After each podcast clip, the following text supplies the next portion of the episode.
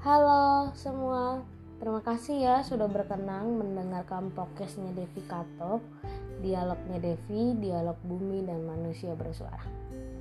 Oke, malam ini kalian apa kabar? Semoga kalian sehat-sehat saja. Dan cuaca malam ini sangat-sangat sejuk karena habis hujan. Gimana gimana? Puasa kalian lancar nggak ya? Semoga hari ini lancar ya.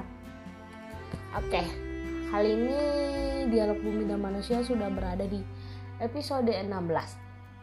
Malam ini di episode 16 saya akan bercerita tentang I hate life. Kenapa kita harus membenci hidup?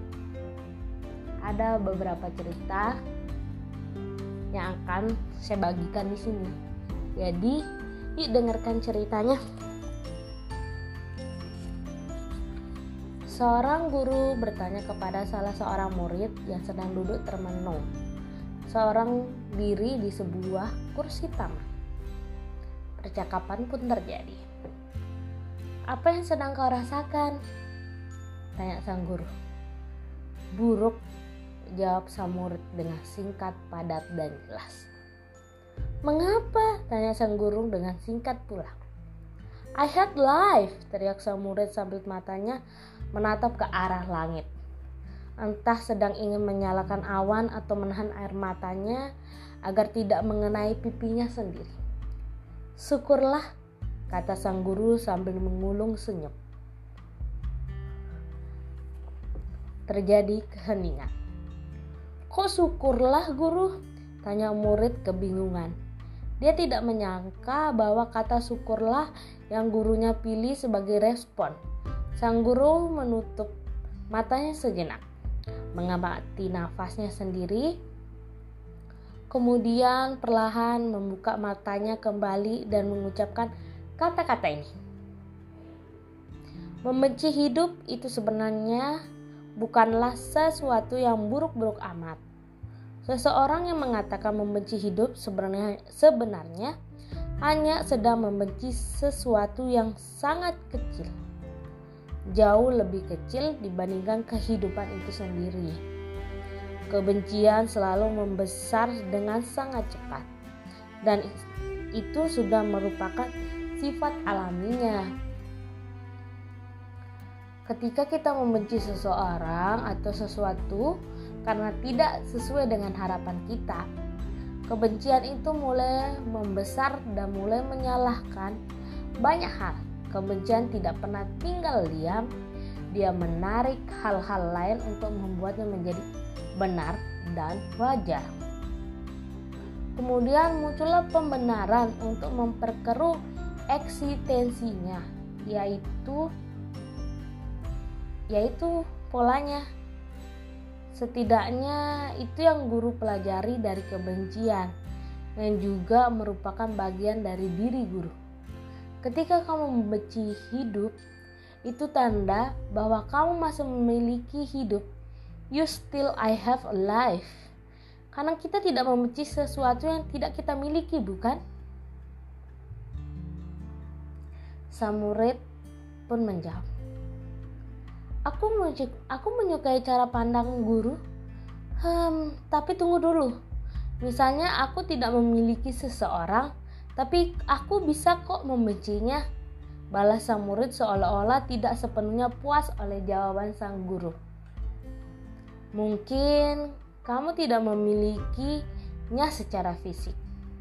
Tapi yang jelas kalau kamu bisa membencinya, berarti kamu telah memilikinya dalam duniamu, di dalam pikiran dan hatimu, dan kamu bisa melakukan dan merasakan apa pun terhadap sesuatu atau siapa pun yang kamu miliki dalam duniamu ini. Namun, kalau sesuatu tidak ada di dalam duniamu, di dalam pikiran dan hatimu, itu kamu tidak bisa membencinya apalagi menyukainya. Terang sang guru itu lagi.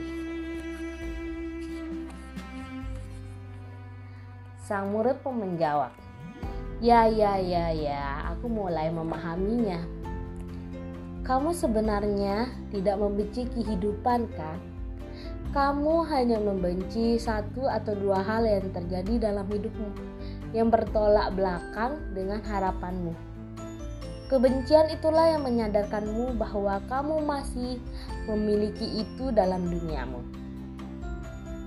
Manusiawi memiliki rasa benci, tapi jangan sampai kebencianmu akan akan sesuatu menjadi tabir yang membuatmu tidak bisa melihat keindahan-keindahan yang disajikan di kehidupan. Sulit memang ketika kamu membenci sesuatu dan pada saat yang sama melihat keindahan keindahan hidup. Hidup seperti tidak adil. Kamu merasa menjadi korban. Namun, kebencian ini pun tidak abadi. Akan berlalu juga ketika ini terjadi.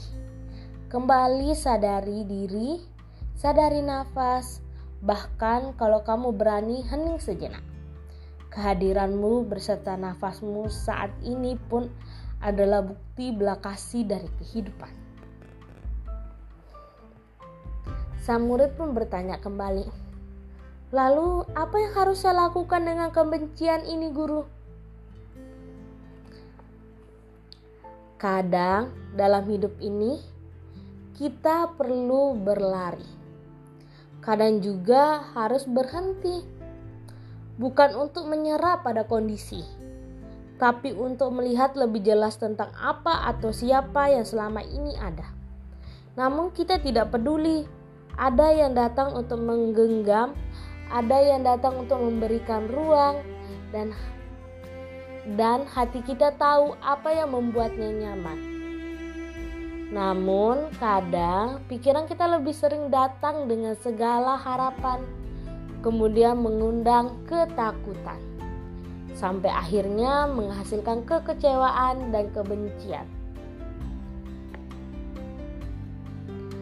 Yang bisa datang berarti bisa pergi, karena sesungguhnya ketika sesuatu yang kita anggap datang kepada diri kita pada saat yang sama berarti sesuatu itu telah pergi dari sesuatu tempat yang lain.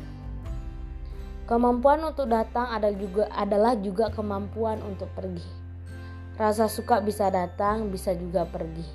Rasa benci bisa muncul, bisa juga lenyap. Namun hanya tamu, namun semuanya hanya tamu-tamu awan-awan di semesta kita di semesta hati kita. Dan saat ini, bisakah dirimu menjadi seperti langit yang tidak terganggu oleh pergerakan awan-awan? Sambil kembali menatap langit dan mengamati pergerakan awan, sang murid kini mengerti tentang kebencian dirinya sendiri.